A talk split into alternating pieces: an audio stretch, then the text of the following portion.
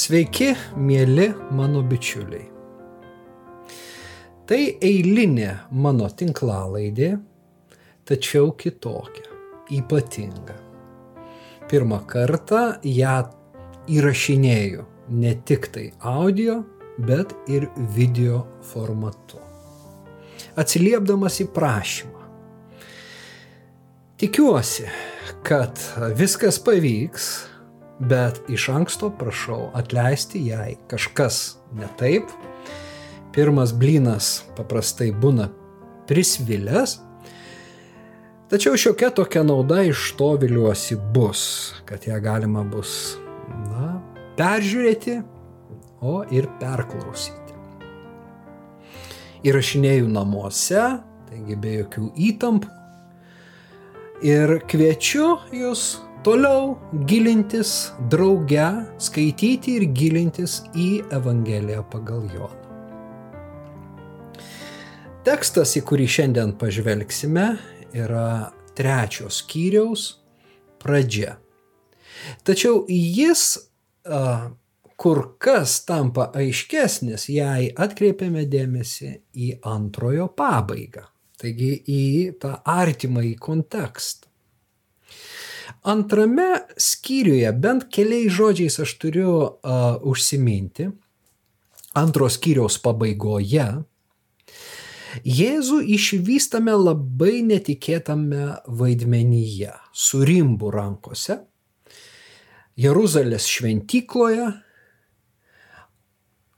verčianti pinigų keitėjų stalus, vejanti iš šventyklos galvijus, jaučius, avis ir pareiškinti iš mano tėvo namų nedarykite prekybos namų. Taigi, na, Jėzus šioje vietoje tikras maištininkas ir net mokiniai tuo metu nesupranta, ką jis daro, bet Jonas uh, sako, tiesa, jie prisiminė psalmės žodžius. Ir pasigilinus, tai yra 69 psalmė, 8-9 eilutės svetimas tapau savo broliams, pašalinis mano motinos vaikams. Uolumas dėl tavo namų sugraužė mane, tave plūstančiųjų keiksmai krito ant manęs. Jonas pacituoja vidurį, uolumas dėl tavo namų sugraužė mane. Tačiau iš tiesų ir tos kitos psalmės e, eilutės labai tinka Jėzui ir yra cituojamos. Tiek Pauliaus, apaštalo Pauliaus, tiek akivaizdžiai jos yra kristologinės. Taigi mokiniai regi tą svetimą broliams, svetima judėjams, žydams svetima netgi tuo metu tiems artimiesiems broliams namuose Jėzų, nes išlydėdami į vieną iš švenčių tiesa vėliau šioje Evangelijoje, jie sako, eik pasirodė, kiekvienas, kuris nori, na, kad pasirodyti, eina ten, kur daug žmonių susirenka. Mat, jo broliai dar netikėjo juo. Taigi Jėzus yra svetimas jiems ir nesuprantamas, kodėl jisai dabar tą tvarką šventykloje na, nori pakeisti. Jis buvo įtvirtinta, na, tai buvo norma ir netgi palengvinimas atvykstantiems į šventes žmonėms išsikeisti pinigus ir įsigyti auką, kurią jie paukodavo šventykloje, ar padėkos auką, ar auką už nuodėmės vietoje, o ne vestis, sakykime, tą galvyje iš kažkur tai toli. Regis, ta tvarka iš tiesų buvo atsižvelgiant į žmonių poreikius įtvirtinta. Tačiau, manau, Jėzus čia ne prieš tvarką yra, na, pakelia rimbą. Jėzus pakelia rimbą prieš neteisingą motyvą. O motyvas yra ne tarnystės Dievui, o asmeninės naudos, pelno siekis, paprasčiausiai. Prekyba vyksta ne toje vietoje, kur, jinai, kur jai skirta. Šventykloje turi būti garbinamas Dievas, o ne aprekiaujamas siekiant pasipelnyti. Tai aš manau, kad būtent dėl šito, na, Jėzus, Jėzų čia regime to maištininko rolę. Tačiau jo žinia yra labai aiški. Jisai sako, sugriaukite šitą šventyklą ir per tris dienas aš ją atstatysiu. Taigi tai nuoroda į jo mirtį, kančią ir prisikėlimą trečiąją dieną. Ir iš tiesų šventykla buvo sugriauta ir Jėzus kalba apie kitos šventyklos statybą, kurią jis pats vadovauja. Ir Jonas uh, priduria, jam prisikėlus iš numirusių, jo mokiniai prisiminė jį apie tai kalbėjus. Ir jie įtikėjo raštu ir Jėzaus pasakytų žodžiu.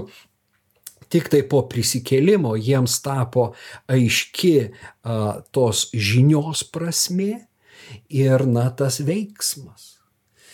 Taigi Jėzus skelbia senos šventyklos pabaigą, Senojo testamento pabaigą su jo liturginiu tarnavimu ir naujojo testamento pradžią, naujos šventyklos, kuri užgims jam kelintis iš numirusių trečią dieną pradžią.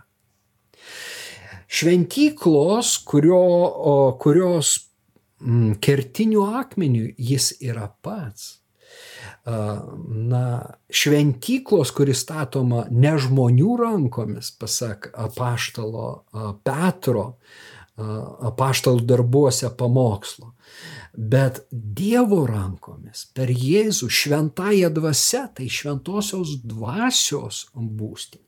Ir joje dalyvauja žmonės, žmonių širdis, tie gyvieji akmenys.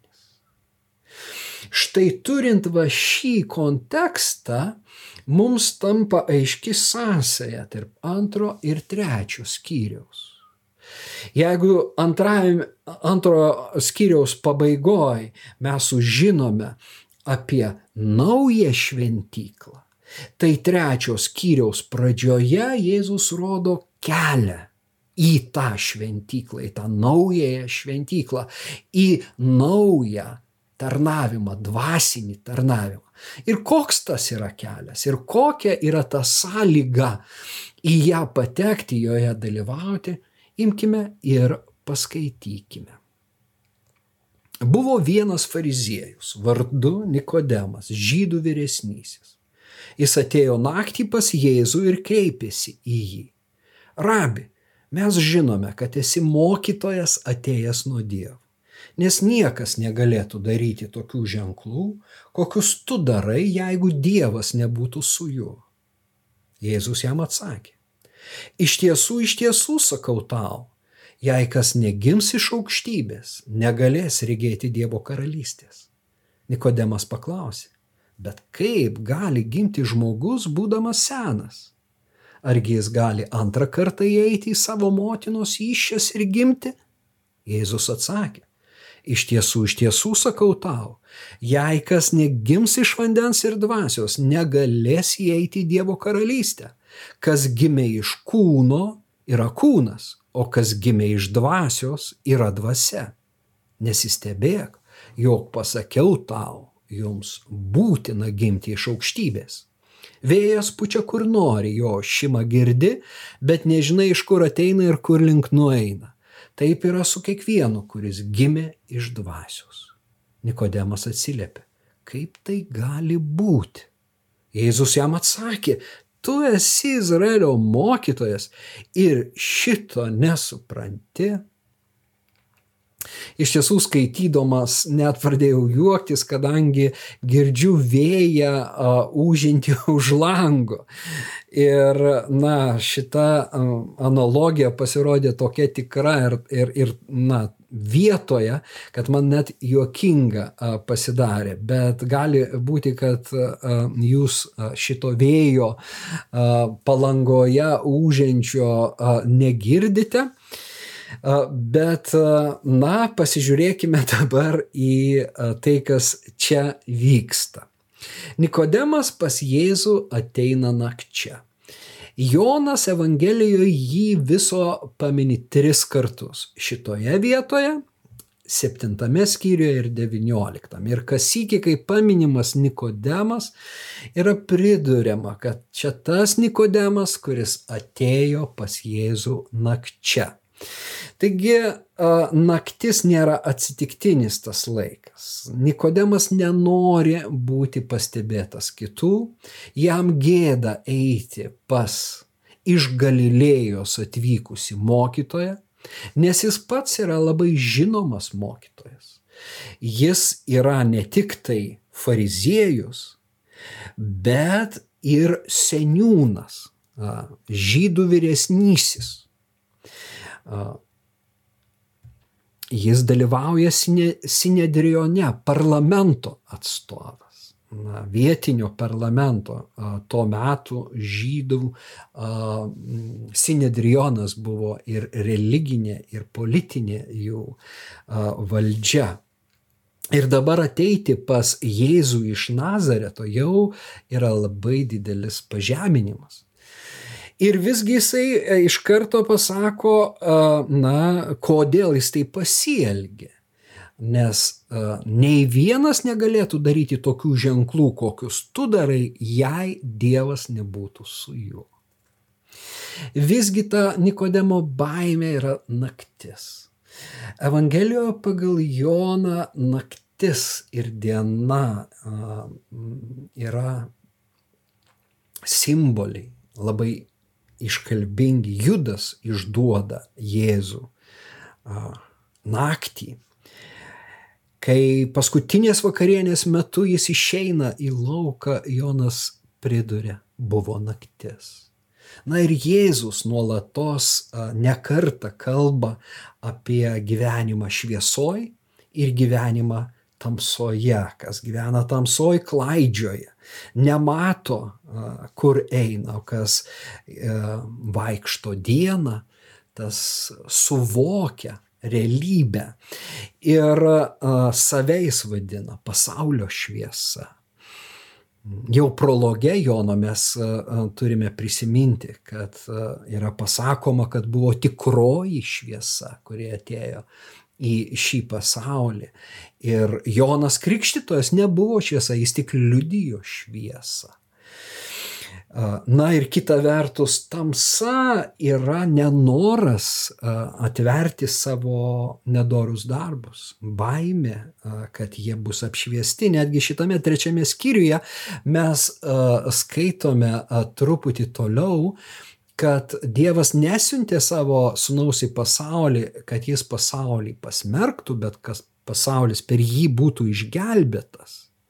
Tačiau toliau pasakoma, kad visgi a, tas, kas netikė, yra pasmerktas, o teismo nuosprendis toks šviesa atėjo į pasaulį, bet žmonės labiau pamilo tamsą nei šviesą, nes jų darbai buvo pikti. Kiekvienas, kuris daro blogą, neapkenčia šviesos ir neina į šviesą, kad jo darbai nebūtų atskleisti. O kas vykdo tiesą, tas eina į šviesą, kad pasirodytų jo, jo darbai atlikti Dieve. Štai mes regime Nikodemą, nors nakčia, bet einantį į šviesą, ateinantį pas šviesą. Ir ta šviesa iš tiesų apšviečia jį.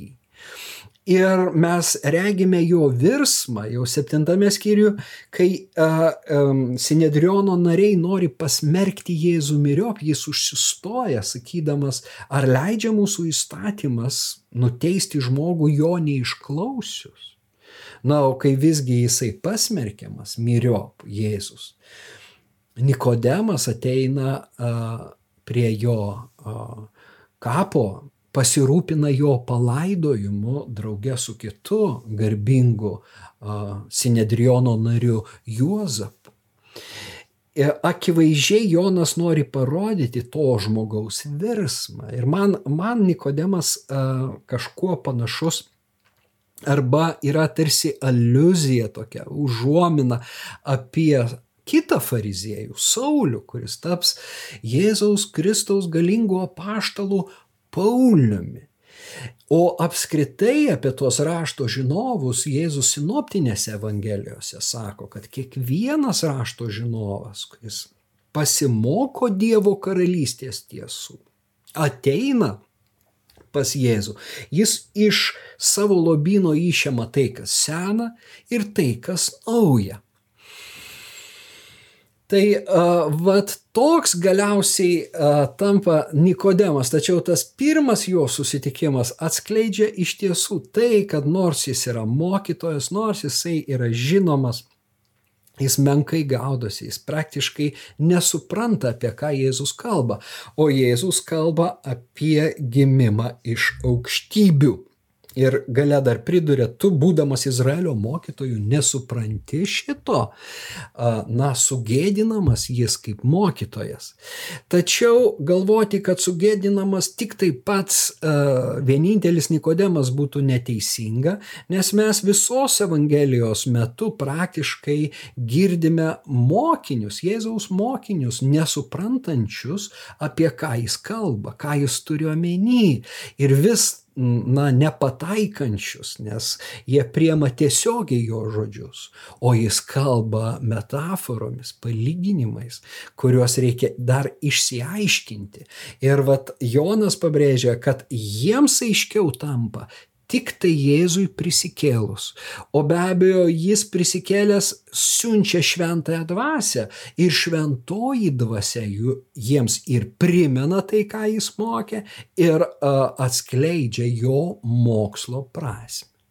Na, kaip ten bebūtų, uh, tas pokalbis uh, prasideda tuo, kad, na, Nikodemas pagerbė Jėzų, tu galingas ženklais, mokytojas iš Dievo, na, tiesa, ne pranašas, tiesa, ne mesijas, tai būtų dar viena ir antra pakopa, bet iš pirmo susitikimo daugiau mes ir galbūt negalėtume laukti.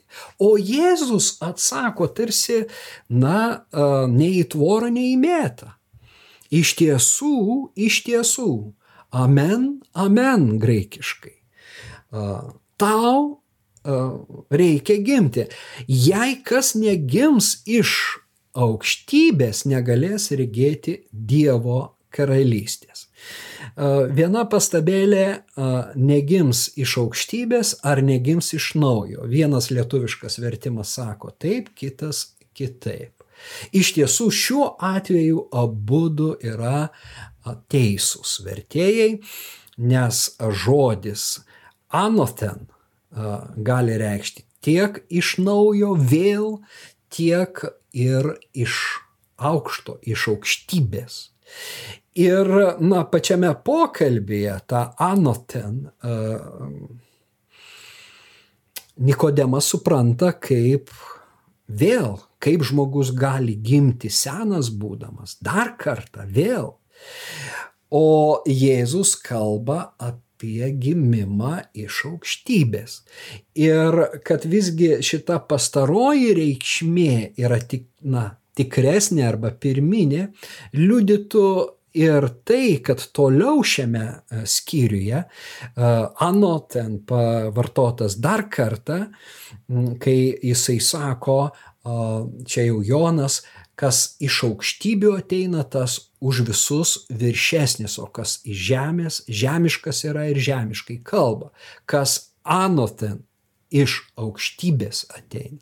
Taigi, kai Jėzus sako, iš tiesų, iš tiesų sakau, tau, jei kas negims iš aukštybės, gali būti tas niuansas, na, dar kartą, tu esi jau sėki gimęs, tau reikia gimti dar sėki, bet labiau jisai rodo, a, iš kur turi ateiti ta sėkla, iš kur turi ateiti ta a, gale a, gimti iš aukštybės iš ten, iš kur atėjo pats Jėzus. Bet gimti reikia kiekvienam norinčiam patekti į Dievo karalystę. Ir čia, na, reikėtų pasakyti vieną dalyką dar apie to meto judaizmą kad judėjai buvo labai uolus, kaip žinia, na, misionieriavo, prozelitavo yra kitas žodis ir prozelitais būdavo vadinami pagonis, kurie įtikėdavo Jahve, atsiversdavo į judaizmą. Yra pakankamai šaltinių liudinčių, kad tokius pagonis atsivertusius į judaizmą vadindavo uh, naujagimiais, atgimusiais. Taigi dabar Jėzus sako, negalvo, kad pagonims reikia atgimti, o tau, žydui, ne. Kiekvienam reikės gimti iš vandens ir dvasios. Tai, na, yra vienas labai svarbus dalykas. Na, o kitas tai, kad žydai galvojo, kad pagal nutilėjimą, kai Mesijas ateis ir įsteigs savo karalystę, jie joje dalyvaus. Tačiau Jėzus sako, ne, vien pagal kraują to nebus. Ir tai be abejo mus gražina į pirmąjį skyrių, į, į prologą kuriame Jonas, na, pasako esmę, kad Jėzus, žodis, esantis pas Dievą ir pats esantis Dievas, pas savuosius, žydus atėjo, tačiau savie jo nepriėmė. Tiems, kurie jį priėmė, jis davė galę tapti Dievo vaikais, kurie gimė ne iš kraujo, ne iš vyro norų, ne iš kūno, bet iš Dievo. Štai mes turim tą kraują, štai mes turim tą gimimą iš kūno ir gimimą iš dvasios. Ta, e, ir čia Jėzus pabrėžia, kas gimė iš kūno yra kūnas, nepakanka, o kūnas nepaveldės Dievo karalystės. Kas gimė iš dvasios yra dvasia. Dievo karalystė yra dvasinė ir joje dalyvauja dvasiniai žmonės tie, kurie priemė Dievo dvasę į save, kiti, na, paprasčiausiai negali joje dalyvauti. Todėl kelias į tą naująją šventyklą, kurią Jėzus stato, eina per gimimą iš vandens ir dvasios. Na, turime um, atsakyti į klausimą, ką tai reiškia. Ta klausimą uh, kelia ir Nikodemas, kaip tai gali būti, ką tai galėtų reikšti. Iš tiesų šis klausimas, na, netoks ir lengvas. Iki mūsų dienų biblistai, teologai labai gilinasi į šio posakio prasme ir toli gražu nepasiekia konsensuso. Kągi turėjo omeny Jėzus sakydamas, tau reikia gimti iš vandens ir dvasios. Labai trumpai, bet vieni mano, jog vanduo tai yra aluzija į krikštą. Kad Jėzus turi omeny tai sakydamas, kas krikštysis ir tikės.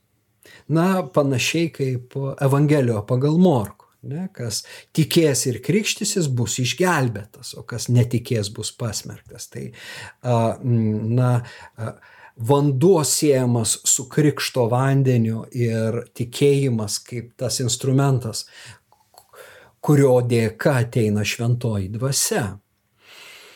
Tačiau Jono Evangelijoje apie, na, krikštą, na, nekalbama e, tik išskyrus Jono krikštą. Todėl dalis biblistų sako, Jėzus turi omeny Joną krikščitoją ir ko nesiunčia Nikodemą pas Joną krikščitoją arba sako, na, pirmas žingsnis yra Jono krikštas. O pats Jonas pirmame skyriuje sako, aš krikštijus vandeniu, bet tas, kuris yra už mane didesnis ir eina na, paskui mane, jis krikštis jūs šventąją dvasę. Tai vėlgi vanduo ir dvasia. Na, galimas dalykas, tačiau kur kas labiau tikėtina ir bent man primtinesnis požiūris, kad čia mes susidurėme su stilistinė figūra. Hendiadis yra tokia figūra, o ją sudaro paprastai, ką, ką, ką, ką tai reiškia? ją sudaro du žodžiai, skirtingi žodžiai, kurių prasme yra ta pati ir jie jungiami jung, jungtuku ir. E, lietuvių kalbos žodynas pateikia štai tokį pavyzdį - hendiadžių. E, tėvynė ir gimtasis kraštas. Beje, hendiadis ateina iš graikų kalbos, e, tai būtų viena per du. Hen ir dijo ne, būtų viena per du. Tai viena prasme išreikšta per du žodžius - tėvynė ir gimtasis kraštas. Na, čia a, vanduo ir šventoji dvasia.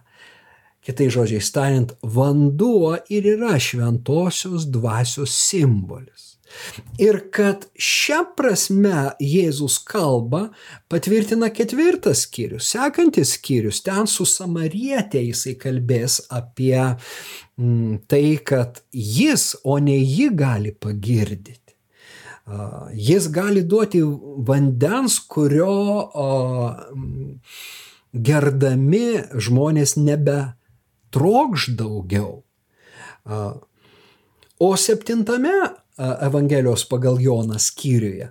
Mes jau tiesiai išgirstame, kad Jėzus šaukia, jisai ten, na, skelbia šaukdamas iš tiesų, kad kas mane tiki, kaip praštas sako, iš jo vidaus plus gyvojo vandens upės. Taigi ketvirtam skyriui gyvasis vanduo, čia gyvojo vandens upės ir toliau Jonas priduria, jis kalbėjo apie dvasę, kurią turės gauti jį įtikėjusiai.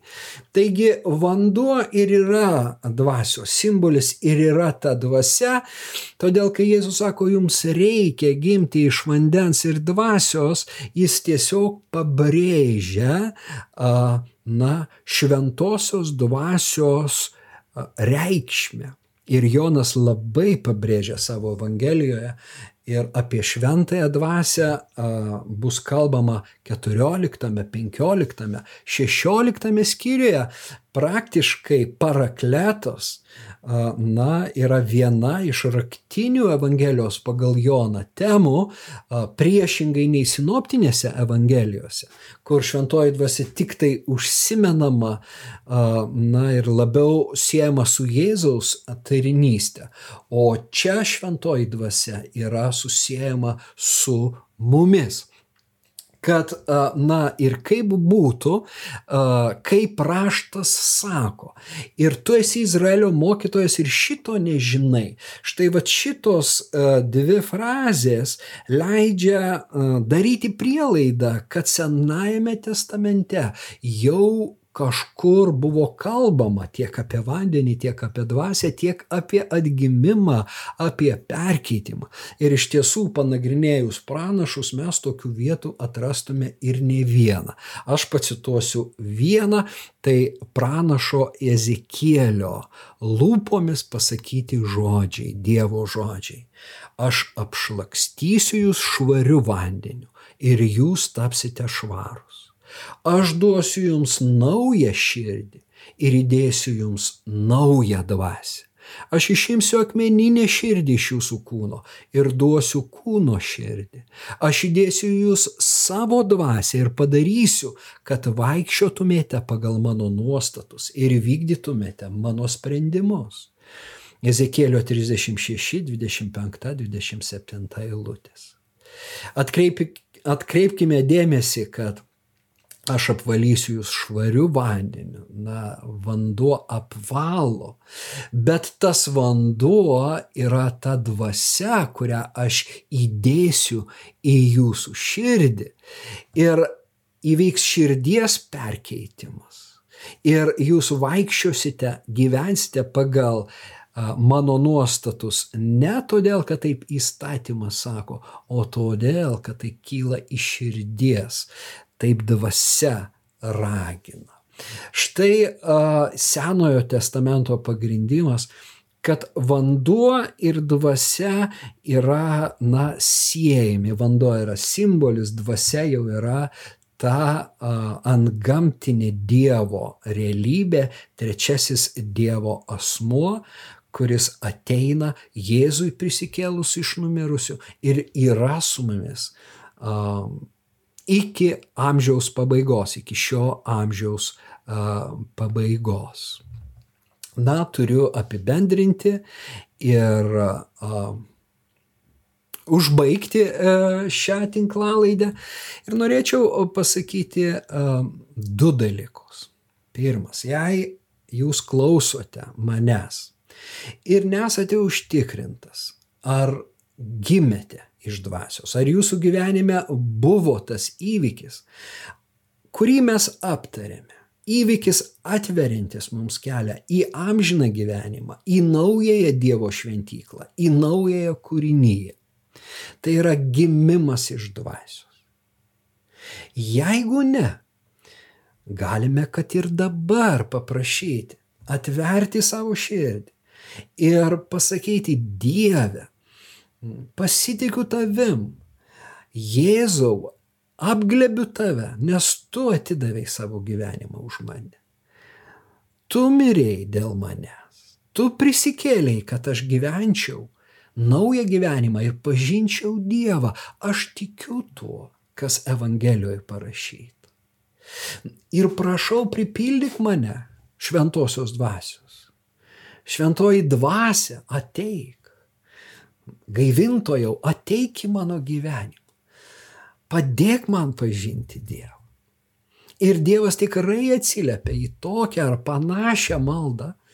Jis tikrai pripildo kiekvieną ieškantį, kiekvieną, kuris drįsta ateiti pas jį. Ir tai yra pats nuostabiausias išgyvenimas, tai pats nuostabiausias Dievo poteris. Asmeninis poteris. Gimstama ne bendrai, kiekvienas iš mūsų gimėme atskirai. Lygiai tas pats su gimimu į Dievo karalystę. Mes atgimstame susitikdami, išgyvendami tą naują realybę. Susitikdami su Dievu, savo kurėju ir su Jėzumi, savo atpirkėju. Bet kita uh, žinia yra tiems, kurie sakote, aš tai jau žinau, gedriau, aš esu gimęs iš dvasios. Tai įvyko tada ir tada. Taip. Bet ar tu gyveni su šventaja dvasia? Ar bręsti šventojoje dvasioje? Ar mes augame? Štai labai svarbus klausimas. Nes Jonas jau pirmame savo laiške kalbės apie vaikelius, kurie turi užaukti ir tapti jaunuoliais. O jaunuoliai turi toliau bręsti, kad taptų tėvais. O tėvai yra tie, kurie pažįsta tėvą, pažįsta tą, kuris yra nuo pradžios. Tai yra įvairia lypi Dievą, Dievą visoje jo esybėje. Turimas omeny tiek Dievo plotis, tiek gilis, tiek aukštis Dievo meilės, čia jau pasitelkiant apaštalą Paulių. Bet faktas tas, kad gimę mes dar taip Dievo nepažįstam. Gimimas iš aukštybės yra kelio pradžia, ne pabaiga. Todėl negalime a, gyventi taip, tarsi mums nieko nebereikėtų. Mes turime keistis. Mes turime bręsti aukti. Ir štai čia buvo bėda ne tik ankstyvojoje bažnyčiai. Nes apaštalas Paulius rašo korintiečiams ir laiško hebrajams autorius pabrėžia tą patį, kalbėdamas krikščionims, kad jūs esate tokie, kuriems reikia pieno, o ne tvirto maisto.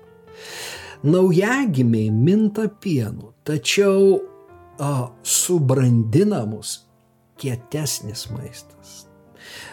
Bręsdami mes turim keistis ir valgyti kietą maistą. Ir a, todėl, a, na, Keista, kad krikščionys ir šiandien šalinasi, bėga nuo gilesnių pamastymų, nuo, na, to, kas galėtų pakeisti tą, sakykime, pirmųjų žingsnių pasaulyje vaizdį Dievo karalystės. Todėl iššūkis mums visiems. Irkime į gilumą bręskime, pažinkime Dievą labiau. Na ir vėliuosi prie šio tikslo bent kažkiek prisideda ir mano refleksijos, šios tinklalaidės, šie pamastymai. Linkiu Jums Dievo artumo, Dievo ramybės ir malonės šiuo tikrai nelengvu, ypatingu metu ir atsisveikindamas sakau, iki sekančio karto.